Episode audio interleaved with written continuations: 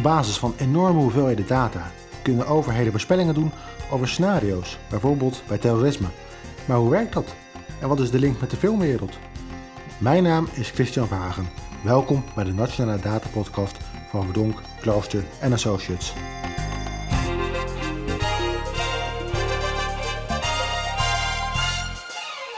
Welkom bij de Nationale Data Podcast. De podcast met inspirerende gasten en inzichten over het gebruik van data, algoritmes en artificiële intelligentie in de publieke sector. Mijn naam is Christian Verhagen en mijn gast vandaag is Peter de Kok, voormalig documentairemaker, vervolgens tien jaar lang bij de politie hoofdafdeling afgeschermde operaties, oprichter vervolgens van Pandora Intelligence en sinds kort hoogleraar crime en safety bij het JETS. Welkom. Dankjewel. Uh, bijzonder leuk om hier uh, te gast te, te mogen zijn en om je ook hier de gast te hebben. Um, ik noemde net al even kort de loopbaan op van documentaire maken naar de politie en van de politie vervolgens naar uh, eigen bedrijf en hoogleraar. Hoe bent u al gekomen van documentaire maken tot, tot waar u nu bent? Uh, ik ben begonnen uh, uh, op de Filmacademie. Ik ben eigenlijk een moderne verhalenverteller. Daar komt het eigenlijk op neer. En moderne verhalenverteller in de vorm van filmmaker en regisseur. Ik ben eerst heb ik 15 jaar lang films gemaakt, heel veel documentaires voor de publieke omroepen. Um, en na 15 jaar, ik zat veel in oorlogs- en conflictgebied. En na 15 jaar heb ik een carrière switch gemaakt. En toen ben ik bij de politie terechtgekomen als seinstromer. En um, daar ben ik eigenlijk uh, um, van mede af aan een beetje in de inlichtingenhoek uh, terechtgekomen. Dus het gaat over het opdoen van informatie en het beter kunnen voorspellen op uh, terrorisme, met name. Wat ik daar gedaan heb, is ik heb verschillende teams opgezet. En de kern daarvan was steeds: kunnen we scenario's zoals ze gebruikt worden in de filmindustrie ook mm -hmm. aanwenden om uh, criminaliteit aan te zien komen. Uh, in de praktijk bleek dat te werken. Bleek zelfs zo goed te werken dat ik op een gegeven moment gevraagd werd of ik daar niet op wilde promoveren. Uh, maar goed, mijn wetenschappelijke vooropleiding is de kunstacademie. Uh, dus dat was, het, althans, het was nooit iets waar ik aan gedacht had. Maar ehm, nou, dat ging uiteindelijk via via. Ben ik aan de Tilburg University heb ik mijn promotieonderzoek gedaan. Ik ben in 2014 gepromoveerd. Eigenlijk op het verhaal kunnen wij um, scenario's gebruiken om beter ons voor te bereiden op crimineel gedrag. Dat heb ik gedaan. Mijn, mijn proefschrift was in 2014 af. En dat had heel veel media-aandacht. Um, want als je criminaliteit kunt voorspellen, zoals we het dan populair noemen, dan, ja, dan heb je de aandacht van de media heb je wel te pakken. Um, en dat was eigenlijk meteen dat er een deurtje open ging naar de wetenschappelijke wereld. Um, daardoor ben ik bij de politie hadden ze het idee: dit is geweldig om iets mee te doen met dit, hè, dit concept. Maar dat moeten we eigenlijk om gaan bouwen naar een daadwerkelijk werkend model. Nou, dat heeft, daar komt software-applicatie bij. Dat is allemaal. Dat heeft een bepaalde snelheid nodig van ontwikkelen. En dat was allemaal niet uh, snel voorradig, althans niet in mijn uh, context bij de politie. Mm -hmm. Dus toen heb ik ontslag genomen. Dat is 2017 geweest. En toen ben ik uh, samen met iemand die ik tegengekomen ben, ben ik Pandora Intelligence gestart. En daar is precies dit wat we doen. We werken nou voor heel veel overheidspartijen.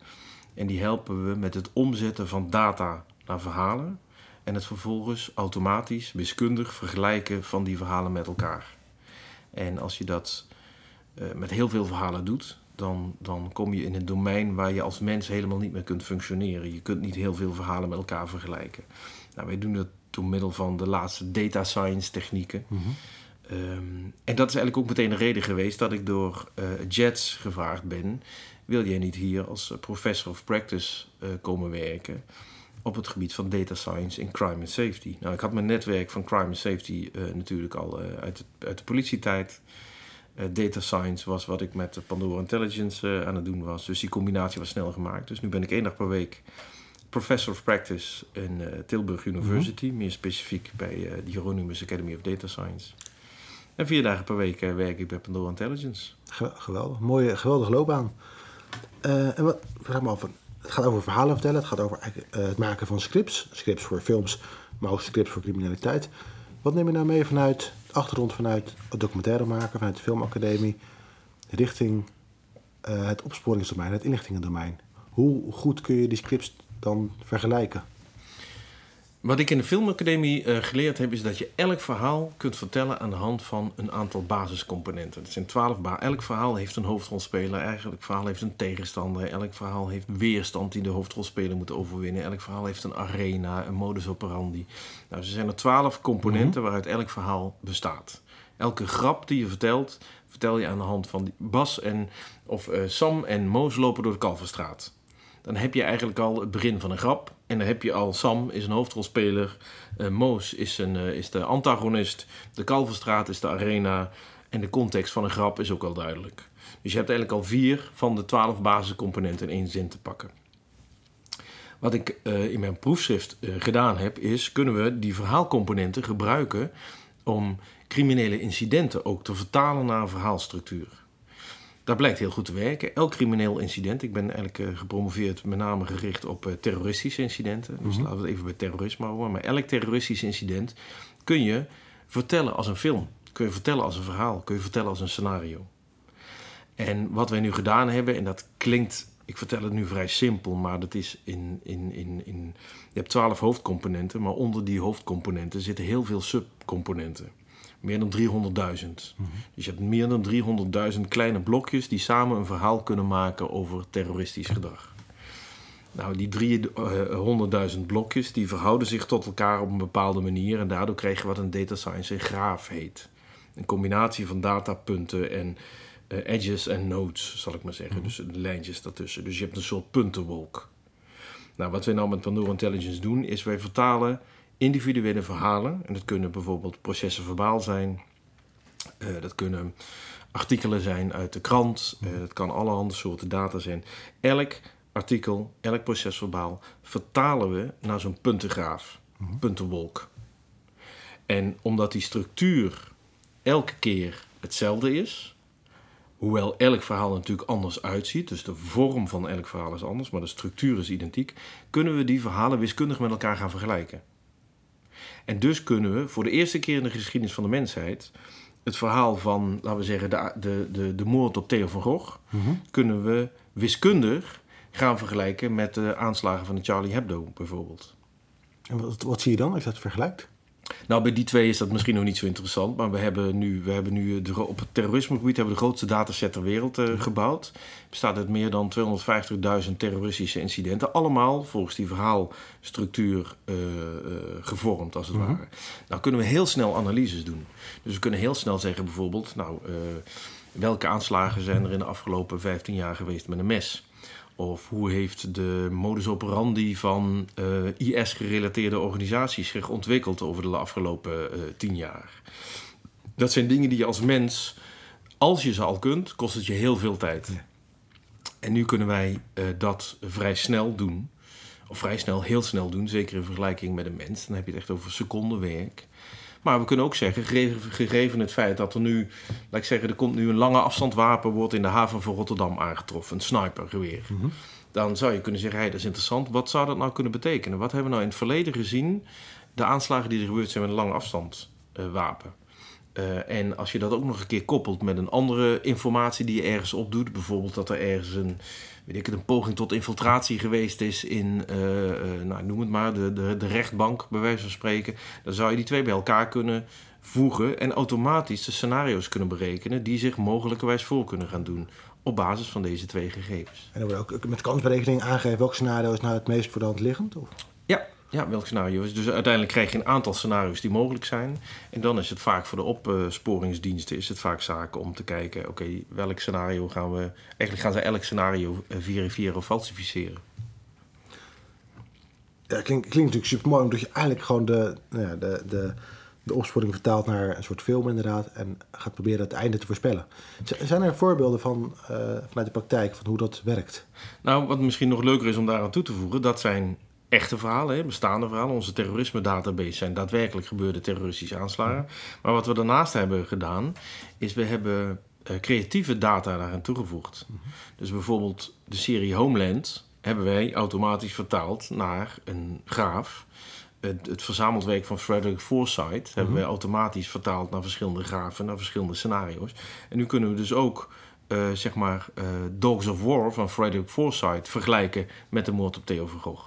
Ja, dan zit je op een niveau waar er is geen enkel bedrijf wat daarmee bezig is.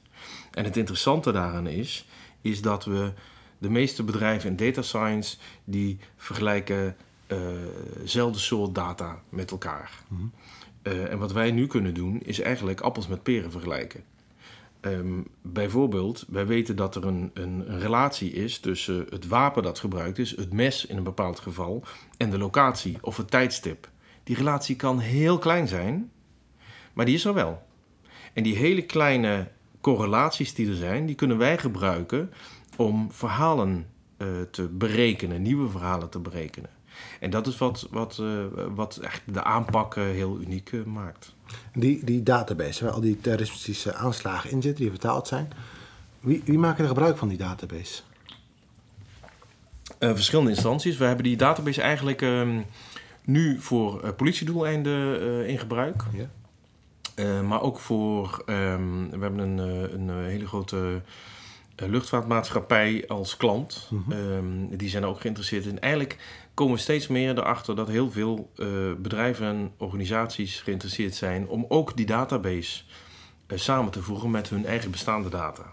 Want op zich is één database ja, is interessant, maar daar kun je nog of daar kun je ook wel al heel wat mee. Maar het wordt pas eigenlijk echt, echt interessant op het moment dat je die terrorisme database koppelt aan uh, de gegevens die die luchtvaartmaatschappij heeft of de gegevens die de politie al heeft. Dan kun je echt combinaties uh, gaan maken die, uh, ja, die tot voor kort niet mogelijk waren. En dat, dit lijkt me redelijk generiek, dus kun je ook internationaal gebruiken. Zijn er ook internationale partijen ja. die hier gebruik van maken? Ja. Ja, bijvoorbeeld even, op een gegeven moment kwam de UEFA naar ons toe. Kunnen jullie ons helpen? En ik dacht, UEFA, wat kunnen we daar nou mee? Nou, wat blijkt, die, zit, die hebben een groot probleem met matchfixing. Mm -hmm. En uh, matchfixing is, uh, daar zit data aan. Daar zit data van financiële transacties, daar zit data in van mensen en netwerken van mensen. Daar zit daar, uh, zeg maar een netwerk van clubs aan vast. Nou, met die data kunnen wij wat. Dus wat we dan feitelijk gezien doen, is alle scenario's van matchfixing of alle data van matchfixing in een scenario vertalen automatisch. En daar dan berekeningen mee maken. Dus in die manier kunnen we heel concreet oplossingen bieden op het gebied van data science voor heel verschillende soorten uh, vormen van crime en safety. Het is natuurlijk best een gevoelig, gevoelig onderwerp. Hè? Want we hebben het over, over profilering in feite, ook over het voorspellen ja. van uh, nou ja, zaken als, als terrorisme. We werken voor veel overheden, uh, zei je net al. Ja. Uh, tegelijkertijd zien we ook heel veel discussie over overheden die gebruik maken, nou, zeker van dit soort complexe AI-toepassingen. Ja. Hoe kijk je daar naar? Ja, wij werken altijd onder het regime van de partij waar we mee werken. Dus we hebben zelf geen uh, data die we samenvoegen. Mm -hmm. uh, dat gebeurt altijd uh, ter plekke of in de cloud van een bepaalde organisatie. Dus het regime van die organisatie bepaalt wat wel en wat niet samengevoegd mag worden. En dat is, ja, dat is elke keer anders. En daar, daar, daar houden we ons aan. En zie je dat het, dat het vooral kansen met zich meebrengt, dit, dit soort toepassingen ook voor de overheid? Of zie je dat het ook wel wat ja, wat mogelijk bezwaren of wat risico's hier aan kleven? Nou ja, dat er kleven altijd risico's aan. Alleen waar, wat mijn uh, stokpaardje is, zou ik bijna willen zeggen, is dat uh, ik me zorgen maak dat heel veel commerciële partijen heel veel data hebben. Mm -hmm. En dat voor allerhande doeleinden bij elkaar brengen. En het ook verkopen aan uh, commerciële partijen of partijen zoals, zoals wij dat zijn. Um, maar dat de overheid veel minder data heeft. En dat is een, een scheefgroei die, die mij echt wel zorgen baart. Op het moment dat Google, Facebook, Microsoft, Apple meer data heeft over Nederland en de inwoners van Nederland dan de staat der Nederlanden, mm -hmm. begin ik me zorgen te maken. Want zouden ze ook in staat zijn om uh, met dezelfde technieken dit soort scenario's te kunnen doorrekenen? Die commerciële partijen? Ja? Zeker, ja, en dat doen ze al. Dat doen ze al lang. En daar ligt de moeilijkheid. Kijk, op het moment, uh, ik hecht eraan dat wij in een democratische samenleving uh, leven. En dat betekent dat uh, wij als burgers kiezen hoe wij, zeg maar, wij geven onze eigen samenleving vorm. Um, aan de andere kant, wij als burgers, hè, die hele grote groep burgers, zijn heel laks met het weggeven van hun data aan partijen als Google of Facebook of Apple of Microsoft of WhatsApp. Mm -hmm. um, maar dat zorgt ervoor dat WhatsApp, bijvoorbeeld, om maar even een voorbeeld te noemen, heel veel, eh, een heel goed inzicht heeft in een, een nationaal netwerk van mensen. Want WhatsApp heeft al die clubjes eh, in beheer. Ehm, en dat doen we makkelijk omdat het gratis is. Mhm. En we krijgen er iets voor terug wat makkelijk is. Maar ik denk dat over het algemeen mensen zich niet voldoende realiseren wat daarmee eh, prijsgegeven wordt. En, eh, en dat is iets waar ik me zorgen over maak. Ehm, om een voorbeeld te geven, ik moest een tijd geleden moest ik, ehm, eh, was ik op de hei aan het rennen en toen moest ik, ehm, toen vond ik iemand die, eh, ehm, die moest, had hulp nodig, die moest Mhm. gereanimeerd worden. En ik probeerde de 112 te bellen en ik kon niet uitleggen waar ik stond op de hei. Want ja, de hei is groot en daar stonden geen naambordjes en geen kilometerpaaltjes. En toen belde ik de meldkamer en toen kreeg ik. Eh, en, en toen zei ik, nou, eh, u kunt mij pingen, u kunt mij, mijn, rel- mijn, mijn locatie. En, maar dat konden ze niet bij de meldkamer. En toen zei ze, ja, nee, maar dan, wat je dan moet doen, is dan moet je WhatsApp openen. Nou, ik heb geen WhatsApp. Eh, maar goed, dan- als ik het had gehad, had ik het moet- moeten openen. En kreeg ik van de meldkamercentralist haar persoonlijke telefoonnummer, zodat ik dat in mijn lijst kon toevoegen. Maar ik kwam ze maar met één ding bezig. Ja. En ik zat onder druk en onder stress om hulp te bieden. En mijn fijne motoriek was er al eindje zoek, zal ik maar zeggen. Dus het installeren van een WhatsApp. En, en toen dacht ik, dit is een rare situatie. Het is een rare situatie dat wij als overheid zeggen... ehm, eh, u heeft hulp nodig of u bent bereid om hulp te bieden. Eh, wij drukken u eerst naar een commercieel bedrijf als Facebook. Of Mhm. sorry, in dit geval WhatsApp. Eh, en dan kunnen we via WhatsApp kunnen we uw locatie te pakken krijgen. Dat klopt niet. Dat klopt in, in, in, in de diepste grond van zijn, klopt dat niet. En daar vind ik dat we echt wel ons bewust van moeten zijn. En betekent dat vooral dat we ons bewust moeten zijn van het feit dat die partijen die data, eh, eigenlijk die monopolie bijna hebben? Of dat we misschien als overheid daar wat eh achterin lopen? Dat we misschien als overheid daar meer moeten in investeren om het, hetzelfde te kunnen? Ja, dat denk ik het laatste. Ik denk dat wij als, over- als overheid niet op de rem moeten staan als het gaat over data die we kunnen krijgen, Mhm. maar juist een stapje harder moeten gaan lopen. Ik vind het onbestaanbaar dat eh, een publieke omroep, om maar even een zijstraat te noemen, als ik naar een welke publieke omroep eh, dan ook ga, die mogen geen reclame maken. Want dat is sluikreclame. Dus die mogen niet zeggen Apple in hun Ja. uitzending. Of die mogen niet zeggen, die moeten een, een, een stickertje van Nike moeten ze afplakken eh, als iemand in beeld is. Maar ze ongegeneerd wordt er gezegd: volg ons op Facebook. Of hou onze Twitter in de gaten. Dat kan niet. Dit is de groot, Facebook is de groot, een van de grootste commerciële partijen in de wereld. Hoe kan het zijn dat een publieke omroep zegt: ga naar Facebook om ons te volgen. En niet in beeld iemand mag hebben die op straat gefilmd is met een eh, Nike-logo op zijn t-shirt. Dat vind ik onbestaanbaar. Ja, eigenlijk ook geen, geen bewustzijn eh, voor het feit dat Een gebrek aan bewustzijn, dat denk ik ook. Ja. En, tegelijkertijd, als ik dan denk aan die partijen als Facebook, eh, WhatsApp, eh, Twitter, et cetera, die hebben een enorme hoeveelheid data over, over, nou, over iedereen hier. Eh, zijn dus ook in staat om zelfstandig dit soort scenario's te kunnen berekenen van personen. Maar zijn daarmee ook een enorme bron van informatie, bijvoorbeeld voor jullie. Als die data bij jullie scenario's betrokken kunnen worden, Zeker, ja. doen jullie dat ook? Nou ja, we maken inderdaad eh, gebruik van open source data. Dus ook data van eh, Facebook als, we dat, eh, eh, als dat er is natuurlijk. Of data van Google of data van wat dan ook. En hoe, hoe goed kun je daarmee? Ik probeer Nou, maar wat, ik wil nog even wat, wat je daarover zegt is... ehm, ik vind het op zich niet erg dat bedrijven dit soort data verzamelen. Hè, als Mhm. ik daar toestemming geef als gebruiker. Ik vind het erg dat het, eh, het verschil zo groot is tussen commerciële partijen en niet-commerciële partijen. En dat die commerciële partijen kunnen zeggen: is onze data, maken wij alleen gebruik van. Wij gaan er profielen mee maken, we gaan daarmee profileren, we gaan daarmee klassificeren, we gaan daarmee identificeren. En de overheid kan dat niet. Daar zit, daar zit het, het grote probleem. En de oplossing voor mij zit hem veel meer in het feit: kijk, wij hebben geen open source alternatief voor Facebook of open source alternatief voor eh, WhatsApp. Dat zou er moeten komen. We zouden terug moeten naar dat oorspronkelijk idee wat ooit het internet was. Het was een vrij plaats en we konden allemaal... Er was een soort gelijkheid op het internet. Nou, dat is er al lang niet meer. En, en daar zou ik heel graag naar terug gaan. En hoe, hoe, wat, wat zou de overheid daaraan kunnen doen? Kan de Nou, overheid stel, überhaupt- een heel simpel ding. Stel, we, we, we maken, hè, dit is allemaal helemaal niet meer zo moeilijk, maar we maken een eigen WhatsApp. En eh, we zeggen dan, eh, en de overheid gaat zeggen, dit is eh, de, de WhatsApp van Nederland of van hè, een open source WhatsApp. en die gaan we gebruiken in plaats van de WhatsApp WhatsApp. Snap je wat ik bedoel? Dat we alternatieven gaan maken als Mhm. overheid die, ehm, ja, die, die, waarvan we zeker weten dat het niet zomaar gebruikt wordt om, nou, ja, om mij te profileren. Of om. Maar goed, dat is een moeilijkheid, want dat suggereert, dan moet je dus ook vertrouwen hebben in je overheid. En dat vertrouwen is natuurlijk eh, ook, eh, nou ja, zoek, om het zo maar te zeggen. Kijk naar wat er gebeurt met de boeren. Kijk naar wat er. de- Het vertrouwen in de overheid is laag.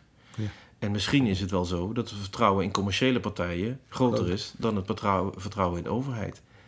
Wederom een reden om je ernstig zorgen te maken. Volgens mij een onderwerp waar we de komende jaren nog veel over gaan, gaan horen.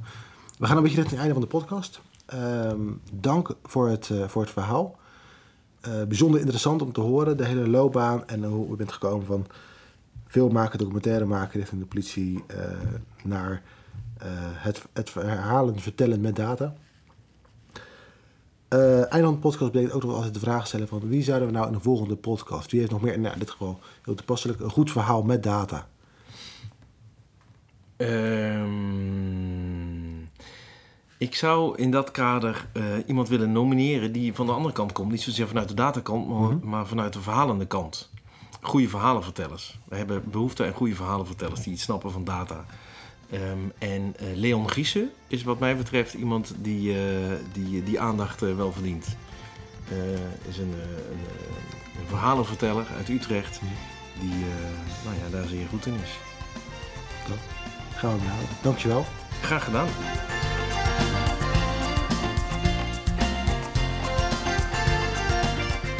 Hiermee zijn we aan het eind gekomen van deze aflevering van de Nationale Data Podcast.